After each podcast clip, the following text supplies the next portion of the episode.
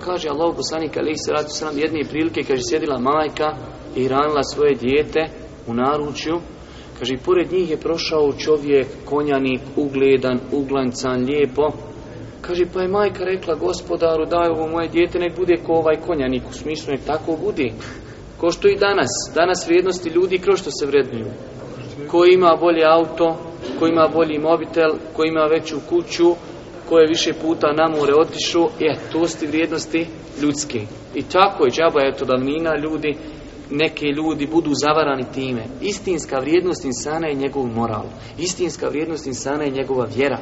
Istinska vrijednost insana je njegov edeb, njegov, njegova četnost, njegovo poštenje, njegova iskrenost. To je istinska vrijednost. Mobitel, mobitel, auto, auto, nikog mobitel ko mobitel nije uveo u džennet. Pa kaže ona, po vojnštini onako, gospodar daj da moje dijete bude ovako. Kaže pa je dijete, kad je čulo taj govor, odaljilo se od majčinih grudi i kaže gospodaru nemoj sam da budem ovakav. I opet se vratilo, opet nastavilo jezik. Kaže, pa je malo prošlo, proveli su jednu ženu i tuku je, govori ti si ovo, ti si ono, ti si, ono. kaže žena, gospodar, sam nek mi ovo dijete ne bude ovako. Dijete, kaže, opet, kaže, pusti, grudi, kaže gospodaru, učini me da budem ko? Ova žena. I onda mati sva izbezumljena, kaže čudna li čuda, jer u osnovi dijete dok je u period dvije godine doji, znači u tom periodu dijete i ne priča. Ili ako priča, to je znači ne ovako kako je pričalo ovo dijete, razumno razgovara, razumije ono što se govori. Pa kaže,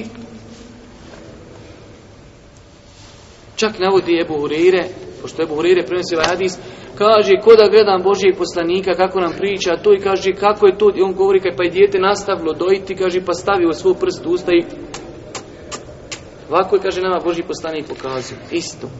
I kaže, pa majka kaže, čudna li čuda, prošao čovjek ugledan, konjanik, ja kažem gospodaru, nekovo moje dijete bude ovakvo, a ti kaže, kažeš gospoda, nemoj da budem ovakav. Ja kažem kada je prošla ta žena po vanjštini koja nije ugledna, kažem nemoj gospoda da moje dijete bude ovako, ti kažeš da budem. I onda dijete odgovara majci, kaže taj čovjek koji je prošao iako vanjštinom lijep, to je samo celofan, kao što su danas mnoge stvari umotane u celofan, pa ljudi zlo vide dobrim, ljudi se natječu ko će više pošljokat, ko će više opsovat, ko će više prevarit, ko će se više zinaluka, a oni koji su čestiti moralni, oni su na nivou državnom prozvani kao neki konzervativci. I kaže ovo dijete materi svojoj, kaže taj čovjek, to je samo vanština, ali on veliki nasilnik.